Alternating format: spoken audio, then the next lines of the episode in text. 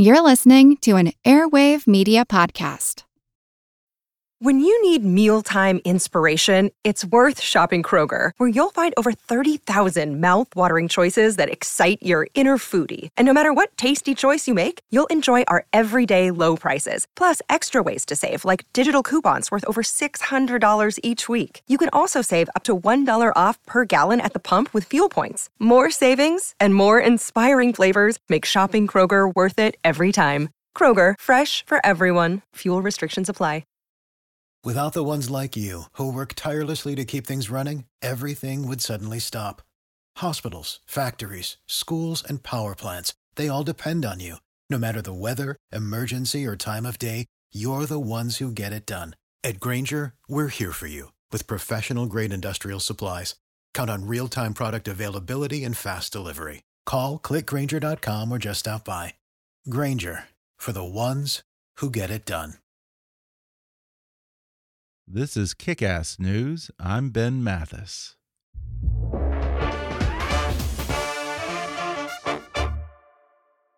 It was the age of anything can happen, he reminded himself. He had heard many people say that on TV and on the Outre video clips floating in cyberspace, which added a further new technology depth to his addiction. There were no rules anymore, and in the age of anything can happen, well, anything could happen. Old friends could become new enemies, and traditional enemies could be your new besties or even lovers. It was no longer possible to predict the weather or the likelihood of war or the outcome of elections. A woman might fall in love with a piglet, or a man start living with an owl. A beauty might fall asleep and, when kissed, wake up speaking a different language and in that new language reveal a completely altered character.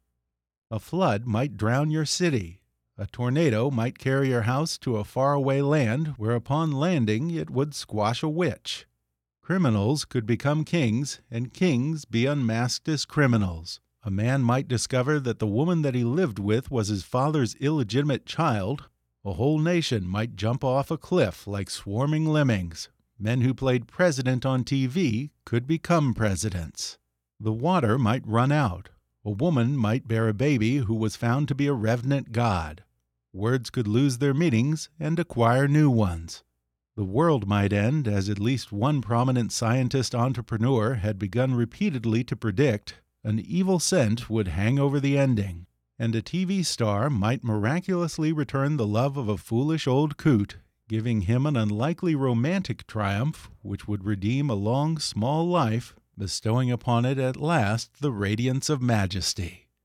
That was the unmistakable prose of author Salman Rushdie from his latest book, a modern take on Don Quixote, titled Quichotte, a novel. Just as Cervantes wrote Don Quixote to satirize the culture of his time, Rushdie takes the reader on a wild ride through a country on the verge of moral and spiritual collapse with the kind of storytelling magic that is the hallmark of Rushdie's work for over 40 years. Quichotte is being hailed as one of the author's best novels, and it's been shortlisted for the Booker Prize for Fiction, which he won 38 years ago for his second novel, Midnight's Children. And today, I'm honored to welcome one of the greatest authors of our time on the show to discuss why Cervantes' classic is arguably the first postmodern novel and how it inspired him to write a book about a feeble minded old man who embarks on a cross country quest through Trump's America to win the hand of the woman he loves, a beautiful talk show host with a curiously similar name to the author himself. Salman Rushdie describes having to consume a massive amount of trash TV and pop culture to prepare for the book, how Quichotte addresses the most pressing issues of our time, from opioids to immigration, and why the age of anything can happen may not necessarily be a good thing.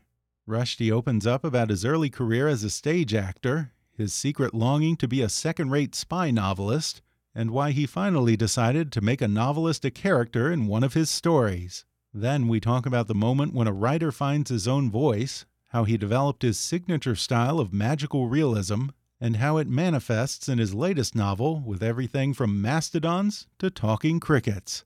Plus, we talk about the fatwa that was issued against him 30 years ago and what it was like to play that scary event for comedy in the latest season of Curb Your Enthusiasm.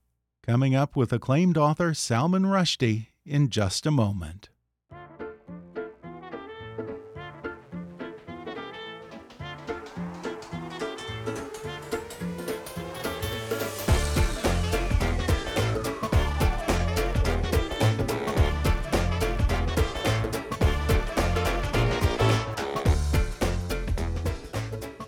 Sir Salman Rushdie is the author of many acclaimed novels, including Midnight's Children, The Satanic Verses, The Moor's Last Sigh, The Ground Beneath Her Feet, Two Years, Eight Months, and 28 Nights, and The Golden House. His novel Midnight's Children won the Booker Prize for Literature, and it was judged the Booker of Bookers, the best novel to have won the Booker Prize in its first 25 years. Now, his latest book has been shortlisted for the Booker Prize as well.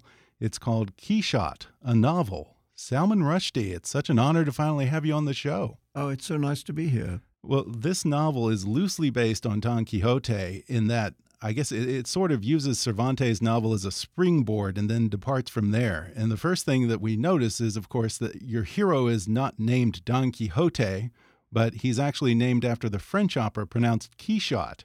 I guess it would have been too on the nose to have named your character Don Q, or what was the thinking behind that? Yeah, I just wanted a variation, mm -hmm. you know, just just to, to because the character is not an exact echo of, of, of Cervantes' character. And and I mean it's not his real name. It's a pseudonym that he uses to write love right. letters to the to the, the the TV celebrity that he claims to have fallen in love with. Yeah, and I think that Quichotte certainly rolls off the tongue a little bit better, doesn't it? It sounds nicer. Yeah. The French version. Yeah. I, I liked it. I mean, and in the in the novel, it's because the the character likes the French opera, and so he he uses the French version of the name as his pseudonym. And I don't know if you'll lose respect for me when I tell you this, but I have to say, the first time that I read Don Quixote when I was a teenager, mm. I didn't really like it very much until I got to that second part of the book which is where the characters start to comment on the fact that they're in a novel and yeah. it, it, takes this very postmodern turn. That's where they finally won me. Well, I mean, I agree with you. I think the second the second book of Don Quixote is actually a lot better than the first. And strangely, he would never have written it if somebody else hadn't written a fake Don Quixote, book two, which annoyed him so much that he wrote his own one. And then, yeah, there's, there's this extraordinary thing that the characters know that they're in a fake book and a real book, and they have strong opinions on the books they're in. Yeah, for a 17th century novel, it's surprisingly meta. Amazing. You know, it got there 400 years before any of us. Cervantes said in his book that chivalric romances were rotting the brain, and in your book, uh, your character Quichotte is addle brained from watching too much reality TV. Uh, do you think The Bachelor is the modern equivalent of the syrupy chivalric romance? Well, the combination of The Bachelor and The Bachelorette and the Kardashians and mm -hmm. the, you know, and all the competition shows. Um, yeah, and I, I, just think, you know, he's a lonely man. He's a traveling salesman, and, and when we meet him, he's in Gallup, New Mexico, but his his beat is is sort of around uh, that area. Um, and he drives around in his Chevy Cruze, you know, selling pharmaceuticals and he's lonely. You know, he's never married. He has no children, and he sits alone in motel rooms, and he just falls into the television screen. And I think it's a thing that happens to people who watch too much television. That sometimes they feel that they know the people on the other side of the screen, mm-hmm. and and he has that feeling towards this this this woman who is a talk show host, um, and and falls in love with her. Although he doesn't know her, and she would not know him from a hole in the ground. Um, mm. And he decides that he will go questing across America to prove himself worthy of her hand. The novel does a wonderful job of addressing this blurring of the lines between reality and fiction or reality and entertainment that we're seeing these days. There are tens of millions of Americans who can probably attest to that because they elected a game show host president yep. because they couldn't distinguish reality from reality TV. They bought into the character of Donald Trump instead of assessing the real man. Yeah, well, uh, you, know, the words Donald Trump don't occur in the novel. Um, right. because I just I just didn't want him in there, frankly. Um, he's in too much of one's daily life anyway. Yeah. Um, but it's true that that uh, that there is this blurring um, between reality and fiction nowadays um, and, a, and, a, real argument about what is the truth. You know, is one man's truth is another man's fake news. Um, Mhm. And I wanted to get into the head of somebody who is, in a way, unable to distinguish between what is real and what is fairy tale and what is delusion. You know, and uh, and yet at the same time, I wanted him to have a kind of sweetness. You know, Cervantes's Don Quixote is is quite melancholy. You know, he's known as the knight of the dolorous countenance. He's a sad faced dude, and and my character, I made him really the opposite. He's really cheerful. He, uh, he has a big smile on his face, and he speaks in a kind of courtly, old-fashioned, charming way. And also, he's relentlessly optimistic and hopeful, which is why he thinks that this impossible dream of this beautiful, powerful woman on television is attainable. Because, as he says repeatedly, love will find a way. And I wanted somebody who was hopeful and optimistic and a dreamer and, and propel that person out against the landscape of America.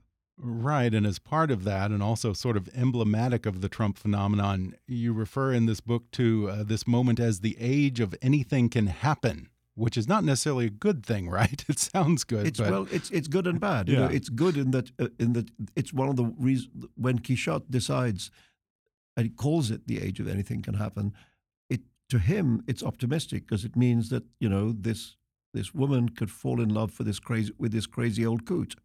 Um, but of course, it's also an age, and as you said, uh, you know, in which talk show hosts can become presidents. Mhm. Um, and actually, one of the things that happened in, in the Ukraine recently was that a- an actor who played presidents on television ran for president and won. right, right. So, so really, you know, we live in this age in which it's as if the rules of the world have have have decayed, and we don't know what the new rules hmm. are. And that that applies to the weather and to elections and to almost anything you can think of. Anything can happen. And I love how you put that the age of anything can happen because it almost reminded me of Candide when the professor declares that this is the best of all possible worlds. And then the novel kind of proceeds to show the downside of that way of thinking. Yeah, the, uh, the the best of all possible worlds by the end of Candide sounds like a pretty ironic statement Right. because if this if that's the best, then what would what would the worst be like? you know? um, but yeah, I mean, I you know actually I'm I'm really pleased that you should have thought about Voltaire because I do think that that's a that Candide is a book which is in its tone of voice um, related to what I've done because its its tone of voice is entirely comic. Right. You know, it, it presents itself completely as comedy, but the but the the things it describes are in many ways tragic or catastrophic. But it maintains its relentless comic tone all the time, and I wanted to do that too. And like many of your books, this one is very much of the moment. It's packed with references to pop culture, including a lot of things that one might think would not be of particular interest to Salman Rushdie. Did you have to watch a lot of junk television and follow a lot of Instagram celebrities to prepare for this? I'm afraid I did, yes. yeah. And- How excruciating was that? And I mean, some of the some of the things that are in the book are actually bizarre things that I came across. I was actually hmm. in Germany when my last book came out.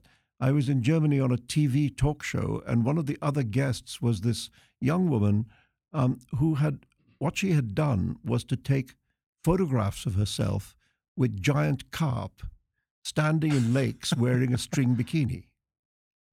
And, and that had got her like millions of followers on, on, on social media. That was her, her whole attainment in the world, you know, was, was being photographed with big fish in a, in a, in a, in a skimpy bathing suit. And I thought, this is the world we live in. Yeah, well, you know, no one has stranger fetishes than the Germans, I think. and speaking of social media, you've returned to Twitter to promote the book. You seem to have had a love hate relationship with Twitter because for a while you were very active, and then I think about two or three years ago you stopped. I just stopped. yeah. I just stopped. I just, I just thought, you know, I don't, I'm not enjoying this. No, really. and and and this is a completely short-term return. I mean, I basically agreed with my publishers that I would use it to say, just say, you know, I'll be in Dallas tonight. Come along if you're around. You know, I'll be in Austin tomorrow. I mean, to be able to tell interested readers things about the about the publication of the book and and uh, and communicate directly. You know, I mean, I'm fortunate in that I have. I mean, I don't have Kardashian-sized followings, but I have like one and a quarter million people, and it's nice to Wow. be able to talk to that number of people directly. Yeah. Sometimes when you've got when you have news for them, you know. So Mhm. So at the moment, I have news for them, so I'm doing it. But the moment this book launch is over, I'm going to, I think, retreat. Is again. it frustrating for a novelist to have to distill your thoughts down to 280 characters? Well, 280 is a lot easier than 140. Right. I mean, that's, yeah, that's an uh, improvement. which it used to be. Um, I mean, I, as I say, I don't use it to think. I use it simply to give give information. Okay. Mm. Now, among other things, your book deals with the Indian diaspora and racism here in America. And you say something interesting in this book. You say that Indian Americans like yourself and like Quichotte have largely been excused from racism in America. Do you think it's been easier here than it has been, say, in the UK, where there's this whole history of British colonialism? Well, you know, until recently that was true. I mean, I you know, I've now lived in in in America for just under 20 years. And and when I first came here and I was talking to Indian Americans, you know, South Asian Americans, um, they would say things like this. They would say they felt almost embarrassed to be excused American racism, and they did say that it was much easier here than it would have, than it was in the in the UK. And I think something shifted after 9/11, and um, and then suddenly there was a greater degree of suspicion of like anybody with a brown skin, Mhm. and uh, somebody with a Sikh turban could be mistaken for an Islamic uh, turban wearer, you know, um, and so suddenly Indian Americans, South Asian Americans began to feel that they that the, that they had become targets in a way that they hadn't felt before hmm and and and but it's still i mean i think it's a it's an interesting middle ground to be not black and not white in america. And i wanted to look at that middle ground and see mm. how it see what what, what it's like for people living in that way I'm assuming, I don't know, but I'm assuming that this is not something that you've had much experience with in the US because you're such a well known figure. And also, you have this very civilized British accent. Do you, yeah in have the you us no this? in the us i'm happy to say no Okay. but in the uk in the uk i did and some Mhm. you know sometimes really? when people write articles about one about me, which are not friendly, uh, I can hear in the text that they would not write that way if I was um, ethnically white. Really? That there's yeah, uh, you could, you know, believe me, if you if you are not a, a ethnically white person, you get very skillful at hearing undertones. hmm Um, and uh, and sometimes I do hear those undertones, but no, I mean I I have very little to complain about. I have a very nice life in America. You also addressed the opioid crisis in America in Quichotte, which couldn't be more timely right now with the recent judgment against Johnson and Johnson and OxyContin settling for hundreds of millions of dollars. Yeah, it's so strange. I've been I've been looking at this thing for ten years or so, Really? and and only recently felt competent to write about it. And then just as the book comes out, the thing bursts into the news all over the place. So, um, yeah, it's I mean it's a it's a coincidence. hmm And Um, but but it's uh, for me it was generated by a, sort of personal sadness, which is that my youngest sister, fourteen years younger than myself, um, died suddenly twelve years ago at the age of forty-five, and it was quite clear that opioid overdoses were were the were the, were the cause of it, mhm. and so that it became personal for me, you know, Wow. and and I wanted to find out what's going on in this in this area in, in this field, and and the thing that you know in my novel there's a corrupt um, pharmaceutical entrepreneur um, who's also, by the way, Indian American. So we have crooks as well. and this is based sort of loosely based on a real person, right? Because there was an Indian American pharmaceutical entrepreneur who was uh, selling meds uh, off label. Is that the term that they Yeah. use? yeah, and, and and who's now gone to jail, I believe. Yeah. Thank Uh, God. yeah, no, that was a starting point for. I think my character's kind of funnier, and I'm actually in a bizarre, horrible way more lovable than the than the real guy. I mean, I'm actually very fond of my Doctor Smile, although he's a total crook. Yeah. Um, um, but what what what I found when I was digging into this subject is not just that there's the occasional the occasional person like that, but how relatively easy it it has been to get the medical profession or parts of the medical profession to play play along. That that by by I mean offering what are essentially bribes, financial inducements to doctors, and I mean not huge financial inducements, not life changing money. You know, uh, I mean, Really? twenty thousand dollars, twenty five thousand dollars. You know, you can't buy a yacht with that. Yeah. Um, uh, but for for modest sums of money, doctors seem to have been not all doctors, obviously, some doctors seem to have been willing to go along with this project of prescribing these lethal things, um, as they say, off label, i.e., for things they're not supposed to be used for. Yeah, it's surprising that the price of one soul is actually pretty cheap. Apparently, really quite modestly priced. Yeah. Yes, the, the human soul. Now, with your sister, you didn't learn this till after the fact, is that right? Yeah, that's Wow. right. I mean, when you know when we looked in her bathroom cabinet, it was like a pharmacy in there, and and then you then you feel as the family, you know, we feel guilty. We think we should have known, we should have Mhm. understood, we should have realized, and and so you have that that sadness in you, you know, and and and anger, Yeah. and and that that, as I say, drove my interest in this subject, Mhm. uh, and I just kept on digging into it until I felt I knew enough about it to Mm. write about it. Family comes up a lot in your books, and Quichotte, it's no exception. Uh, what aspect of familial relationships interested you in this particular book? Well, you know, I, I've always thought that family is very near the heart of, of, of, of, my, of a lot of my writing. And in this case, I was talking, I mean, you know, my sister and I lived in, in different countries. We were separated by oceans and continents.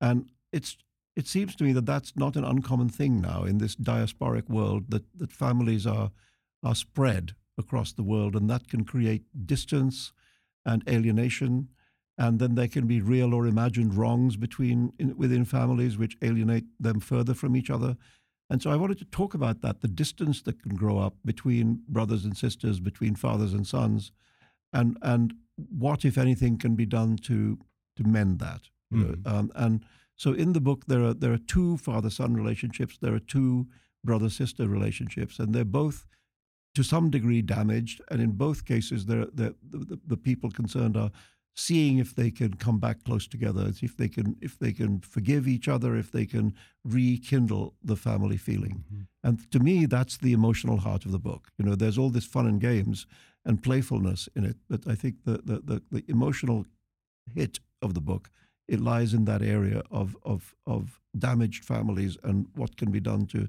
heal them. Grudges and hurt feelings in families have come up before in your books. In particular, it makes me think of the whole scene around the vase in the Satanic Yeah, yeah. Verses. Yeah, the the broke the broken vase that represents the friendship between two people and which becomes the reason why they never talk to each other again Mhm. when it's broken.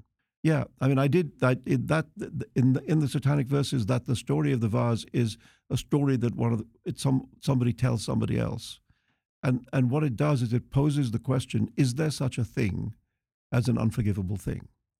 Is is there something that people somebody can do to you which which you just simply cannot forgive, or is forgiveness always in the end possible? You know, and and uh, and that's what happens in this in this novel to, in a much more developed and worked out way. That you have people, blood relations, very intimate relations, who have been alienated from each other, and they're trying to see if forgiveness is possible, if healing is possible. And and the, the stories don't all go the same way. Some of them work, some of them don't. We're going to take a quick break, and then I'll be back with more with author Salman Rushdie when we come back in just a minute.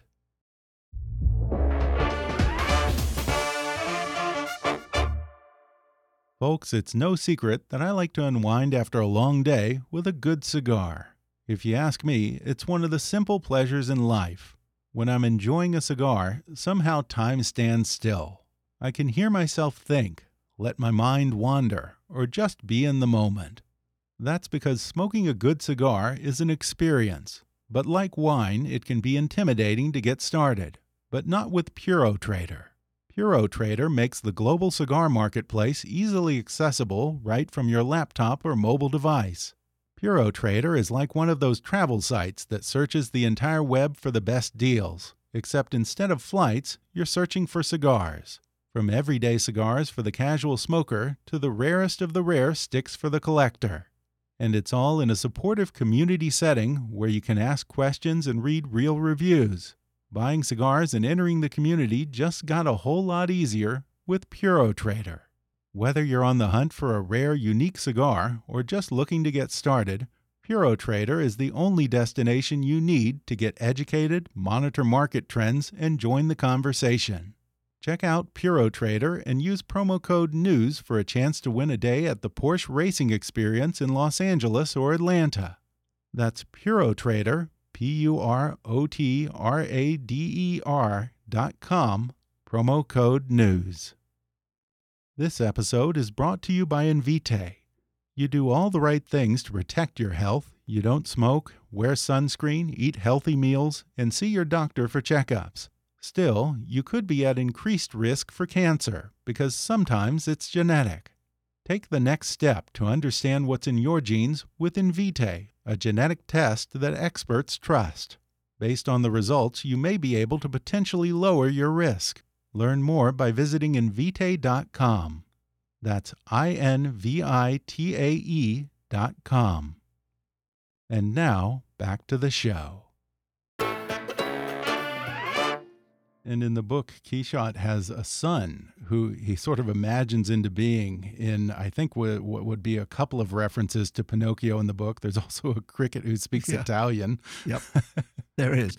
No, no, I mean, I thought that there is an, there's, you know, the Quichotte story has elements of fable and fairy tale. There's mm. no question, you know, and and I mean, he it, he, as I say, he's this lonely man who's never had a, a wife or a child, and he wishes up he wishes upon a star. He goes to he goes to watch a meteor shower and wishes for a child, and the child materializes in the passenger seat of his Chevy Cruze.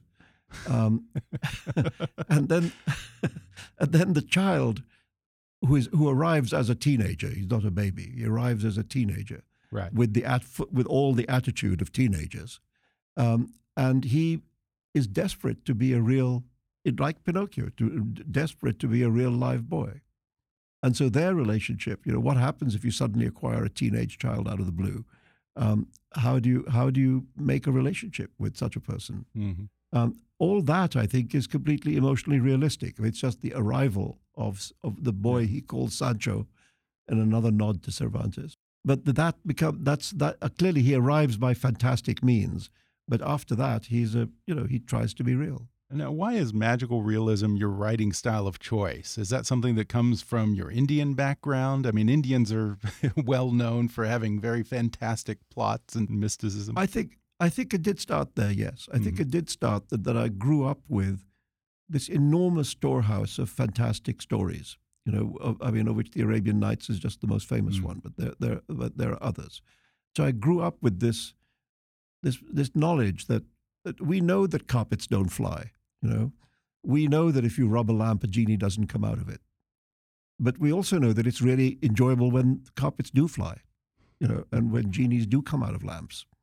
Um, and so, it from my earliest days, I, if you like, I understood the the beauty of fiction that is very fictional.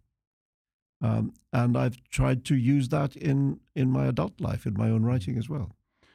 Now, Quichotte and Sancho go on a road trip across America, venturing really, I guess, into the heart of Trump country. Uh, what did you want to explore about the other America that lies between the coasts? Well, just that I wanted to get out of New York, you know. okay, it's that simple. I mean, you know, my, my, my last novel, The Golden House, I guess 95% of it happens on Manhattan Island. Right. You know, and, and, and I remember when I finished it, telling myself, okay, now you have to leave town. You, you can't just sit here forever. And, and actually, initially, before I knew anything about this book, I had actually conceived of an, a, a nonfiction project where I would get into a car and drive across America and, really? and just and just see see what happened. You know, just let whatever happened happen to me. Um, and I actually even talked to my son, who is a bit older than Sancho in the book. He, he was 20 then; he's 22 now. And I said, would you, would, would you like to go with me? Because I thought it might be interesting to have a young person's perspective as well as my own. Um, and he said he would, but then he said, are you going to drive? and I said, I said, yeah, I'm going to drive. And he said, no, no, I don't think you're going to drive. well, New Yorkers and, don't have a lot of driving experience. They, they, don't make the best drivers, do they? I guess. no, I guess, but I've been driving for 40 years. Oh, okay. You know? and, and uh, or more. And anyway, when I said to him that he could drive, that he would, then he was up for it. But so we actually did plan to do this as a real road trip. Really? And Wow. yeah, and then and then just at a at a certain point, I thought, you know, no, I think I can do better by by making it up. I just felt my novelistic instincts took over. Interesting. But I mean, actually, I have, you know, in 20 years living in the States, I have traveled very widely across it. I've been to quite a few of the places that crop up in the book, and, and some of them are, are fictionalized, but I've been to places like that. You know, for example, there is no town in Kansas called Beautiful, you know, okay. uh, Which is in the novel. uh, yeah. which is in the novel. Um, but there is a town quite like that. You know, there's no town in New Jersey called Berenger where people turn into mastodons. Um, but it's not it's not very unlike Weehawken, which is in New Jersey. Yeah. Um, so so I, in the end, I thought I know enough. You know, I've actually got the material with which to write the book, and I'd rather allow my imagination to f- to fill in the blanks uh, than rely on happenstance. You know, but but I mean, I'm still thinking I might still do the trip. I, I still have a desire to do the trip. Yeah. Well, you are doing the book tour, so I don't know. yes, exactly. count? But you don't see anything on a book tour. Yeah. You see the insides of studios. Yeah. Um, now, in addition to being influenced by various road books, I wonder, were you also influenced by road movies? Oh yeah, I mean Easy Rider. You know, um, I, I I remember uh, seeing Easy Rider as a young man um, and being enormously influenced by it, and, um, and of course by the extraordinary music track of Easy Rider, which is one of the great soundtracks in the movies. And I think you know the the, the road is such an enormous uh, image in American culture, whether it's movies or books uh, or poems uh, or, uh, or almost anything really. Or you know, it, Dorothy goes down the yellow brick road. You know, the road the road is a very basic metaphor um, of American life, and so that was that felt natural to me. And also, the thing that can happen in an adventure that travels down a road is that it can change all the time. You can have different kinds of adventure in different places. And so the book can, in a way, become different kinds of book as it travels along. And, you know, there's a bit of this book that you could call um, a spy novel. There's a bit of the book that you could you could say is science fiction. Um, uh, there's a bit of it that you could call f- fantasy. You know, and I wanted to be able to use all these different methods to describe different aspects of the world that I was bringing into being. It's interesting because you have the author as a character in this story, and I think you describe him as the author of third rate spy novels. Yeah, I Um, think I always wanted to be a second-rate spy Or novelist. second rate, okay. I That's a little I think, yeah, let's be polite, second rate. um, It's interesting because the novel works on these two levels. There's the story of Quichotte's journey and the author who is making it all up. And gradually we get to see these two stories come together. Is that the first time that you've written from the perspective of an author? yes, I've never done it. I've, I've, I, I, and actually, I've always slightly disapproved of it. Oh, really? Um, you know, to, to write a book about somebody writing a book about somebody. You know, uh, I, I've always thought no, just no need to do that. And and then I found myself doing it, and I kind of stopped myself and thought, am I really going to do this, or am I going to take it out? And and in the end, I thought, okay, I'm just going to try it and see see what see what it gives me.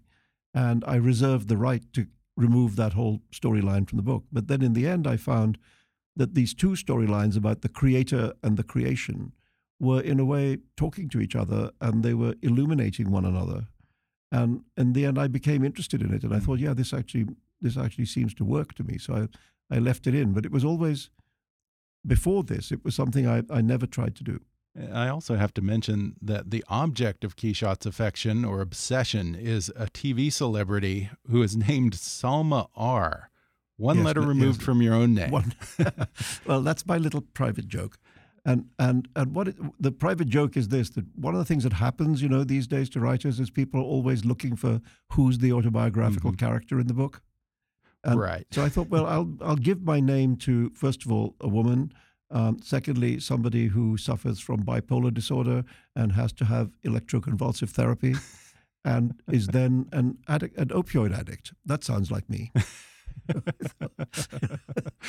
well, I was wondering if there's uh, something that we can read into that. Uh, maybe narcissism, uh, making yourself the object of your character's desire, or. No, only she, in a way, she's like designed to be the opposite of me. Right. Okay.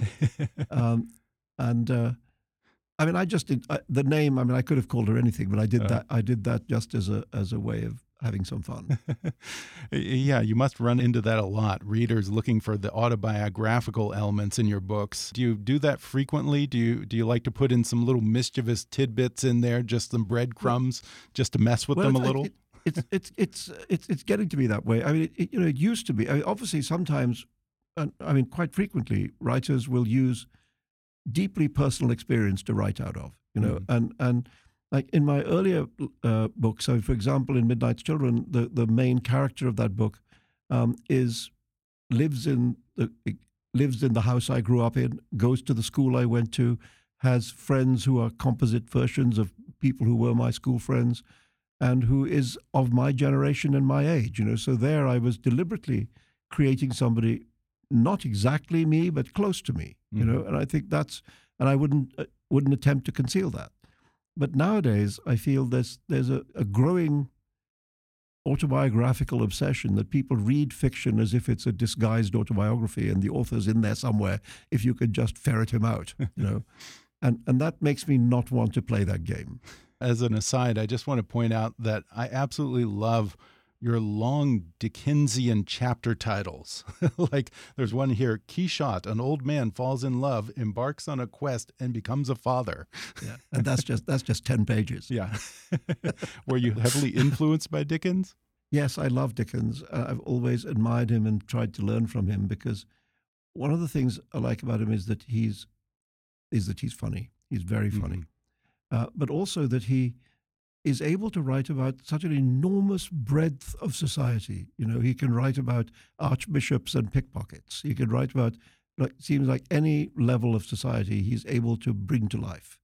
And I thought, you know, that really is something to learn from. Don't just stick in your own little social milieu and write about people like yourself, but get out there, find out about people, you know, and and and uh, write about people not like yourself, mm-hmm. people who don't think the way you think, who haven't had a life like you've had, and and that's that that gives you the world if you could do that. You know, get out of your room, go and find things out. Absolutely. I've always thought there's a bit of writing fiction which is not that unlike being a journalist, not that unlike reportage. And the thing about Dickens is he's a great reporter. He goes out, he finds out about abuses of uh, poor children in schools in the north of England.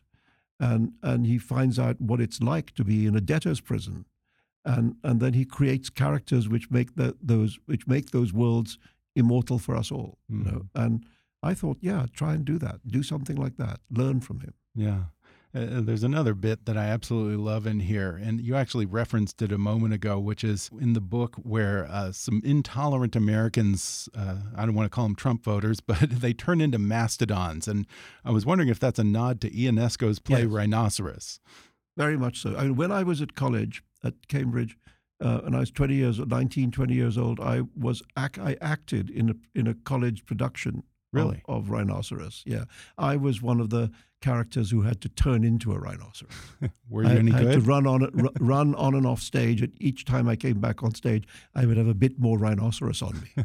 you know? and, and I remember being, you know, I was very young. I was, I think, not even twenty, and I remember being puzzled by the play and not understanding you know, what's this about? I, I found myself asking, and the and the the director of the play sort of patiently explained to me that this is a metaphor of fascism, a metaphor of Nazism for Ionesco, Mm-hmm. And, and what he was trying to say is there are times in, in, in, in society when, when the people who live next door to you, the people whose children play with your children, um, that suddenly, almost overnight, they can become strangers to you. They can become alien. They can become hostile. You can't talk to them anymore, um, and they can, at the extreme form, they can they can feel monstrous to you. And I thought, you know, maybe we're living in a time like that, where where as as this society polarizes, where literally people who've known each other, who've got along perfectly well, um, communities in which there has not been dissension, you know, suddenly there's mistrust. People look at each other strangely. They don't know how to talk to each other. And, you know, people believe that other people are turning into monsters. And so I thought, okay, well, Ionesco can help me out here, you know. um, and I thought I can't do rhinoceroses because he's already done rhinoceroses. um, so, so I so I used mastodons. And I didn't realize that you had this budding career as an actor before you went into writing. Were you any good? I, I'm afraid only in my own opinion. Oh, really? I mean, I, it was the only other thing I ever wanted to do. You know, when uh, when I was at university, I spent much more of my time involved with student theatre than with, for example, student journalism or student magazines. Um, and I really thought I might be an actor, and then fortunately was smart enough to understand that that might not be the best move.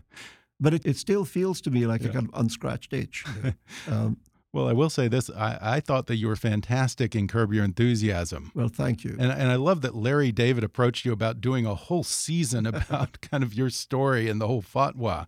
How did that work well, out? It, I mean, does a novelist work well with that improvisational style that he uses? Well, you know, he he. I didn't know him very well. I'd met him like a couple of times, and he called up sort of more or less out of the blue, and and said, "Look, we've had this idea, and do you want to be in it?" And I said, "Well, could I see a script?" And he said, "Well, that's difficult because it's mm. it's all improvisation, so there's there's no script." right. And, and so I said, "Oh, well, can you tell me about it?" And and he talked about it on the phone for a few minutes. And my first feeling when I realized that he wanted to do a, a season about him wanting to make a musical about my life that would be called Fatwa exclamation mark. my first thought was, is this really funny? You know, and and then I thought that yeah, there was a point in my life where it would not have been funny, where it would, where, where I would not have wished to collaborate sure. with it. But the but if one has happily reached a point at what at which one can make fun of it, then I think that's good.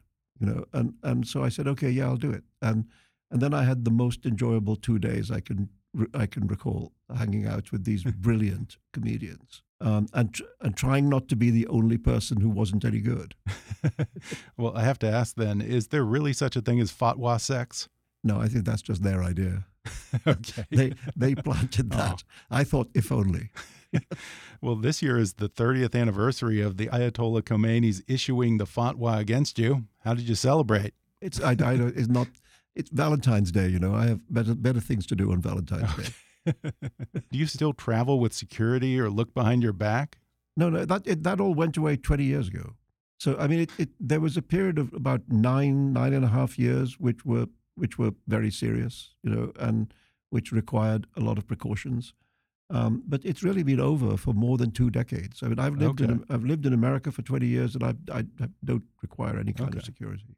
But the fatwa still exists, right? Well, it, you know, theoretically, but in practic- practically, it's, it's right. nobody's paying any attention to it. Yeah, uh, I wonder. I mean, it was a horrible thing in the moment, but do you think that you maybe owe the late Ayatollah Khomeini a little bit of a debt of thanks? Because there's no denying that there are probably thousands, maybe millions of people who may not have known or cared that you had won the Booker Prize, but they probably opened a Salman Rushdie book just because they had heard that you were the fatwa guy.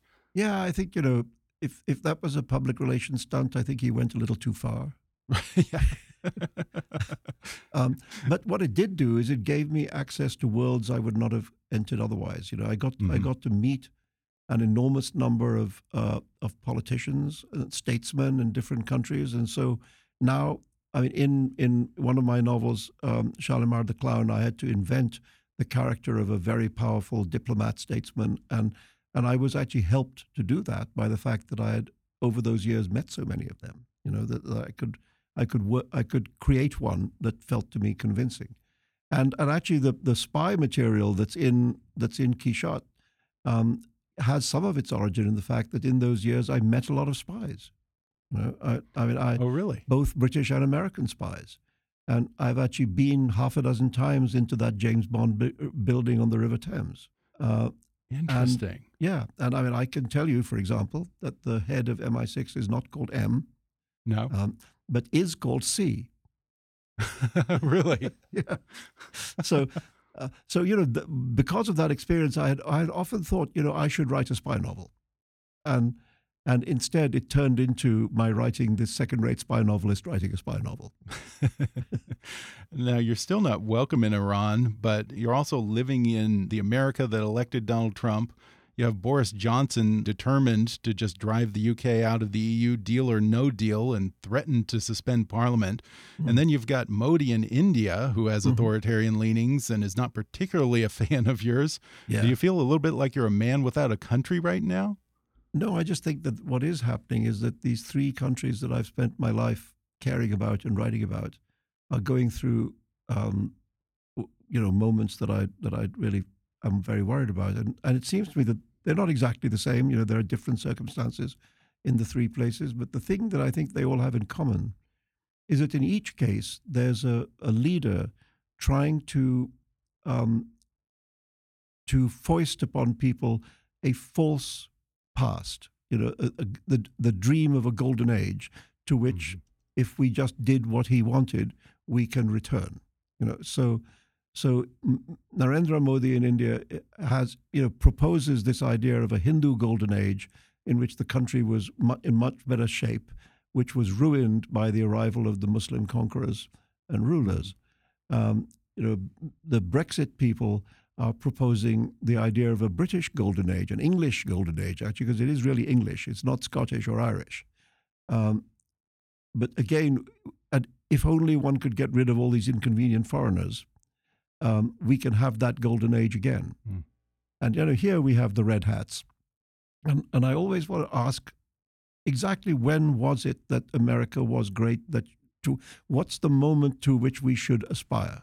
Exactly. Um, was it when there was still slavery? Was it then? Um, was it before women had the vote? Was it then? Was it before the civil rights movement? Was that it? Exactly where is it located, the Golden Age? Mm. Know, um, and of course, the point is about Golden Age is that they're all fairy tales, you know, but but they're fairy tales that are very expertly sold. And, and that's the thing that's happening in all three countries that, that people are being asked to buy into a fairy tale. Yeah. And it comes back to what we were talking about at the beginning about living in an age in which it's hard to tell truth from fiction. Well, Quichotte gives so many nods to your favorite authors. We mentioned Dickens, Cervantes, Ionesco. Do you still feel like your work is influenced by other writers in the way that it might have been earlier in your career? At what point does the writer realize that they have their own voice? When does yeah. James Joyce become Joyce or Hemingway become Hemingway, Rushdie yeah. become Rushdie? Well, I think there is a moment, and different writers, you know, some people get there very young and some people find their way to it. But I think there, I mean, the subject of influence is very important because every writer is influenced by other writers. There's no such thing as a writer who without without influences. But I think there is a point where you you feel your own voice. You feel your own your own sentences coming out of you, not not not versions of other people's sentences. And after that, influence isn't exactly the same thing anymore. That you don't feel that I'm trying to be like somebody. I'm, I mean, I'm trying to be like me, but I can recognize that, that sometimes leads me to towards the territory or the manner of somebody else but it's not. It's not. It's sort of. I, I've always compared it to, you know, when you're launching a rocket ship, you need you need a whole apparatus to launch the rocket ship. But mm. once the once the once the rocket's up in space, you know, you don't need that apparatus anymore. It's it's just going on its journey. And I think of of influence for literature as being like that launch apparatus. It gets you okay. up in the air. Yeah. But but once you're up there, you're on your own. Well, before we go, I'm working on starting my first book myself, oh. and notice that I didn't say starting, but working on starting. Uh, do you have a secret to breaking through writer's block? Well, I just I just don't believe in it. Really? I, I, I just think you know, sit down and do your work. it's uh, that easy. Well, I've just uh, you know, I I started out before I was able to earn a living as a writer you know, I wrote um, advertising copy. I wrote bits of journalism. I wrote, you know, I wrote kinds of writing for which there were deadlines. You had to be good by two o'clock on Thursday because that's when the client was coming in. And it just taught me this is a job. It's a job like any other job. And get up in the morning, sit at your desk, do your work. And that's always been my attitude. And um, I, I mean, it's what I tell students as well. I think, you know, just get over yourself, just do it. You're that disciplined. That's impressive. Well, it's but the, the discipline has grown with the years. I mean, I, yeah. I, wasn't exactly like this when I was much younger. Well, once more, Salman Rushdie's new book is called Quichotte, a novel, and it's just wonderful. You have to read it. Uh, Salman, it was such a pleasure. Thanks for talking with me. Thank you. I really enjoyed it. Thanks again to Salman Rushdie for joining me on the podcast order his brilliant novel Quichotte on Amazon, Audible, or wherever books are sold. Follow him on Twitter at, at Salman Rushdie And visit salmanrushdie.com for a list of his upcoming public appearances and more interesting stuff. If you enjoyed today's podcast, be sure to subscribe to us on Apple Podcasts and rate and review us while you're there. Five star ratings and detailed reviews are one of the best ways for new listeners to discover the show. You can also follow us on Facebook or on Twitter at, at KickassNewsPod and recommend us to your friends on your social media. For more fun stuff, visit kickassnews.com, and I welcome your comments, questions, and suggestions at comments at kickassnews.com. For now, I'm Ben Mathis, and thanks for listening to Kickass News.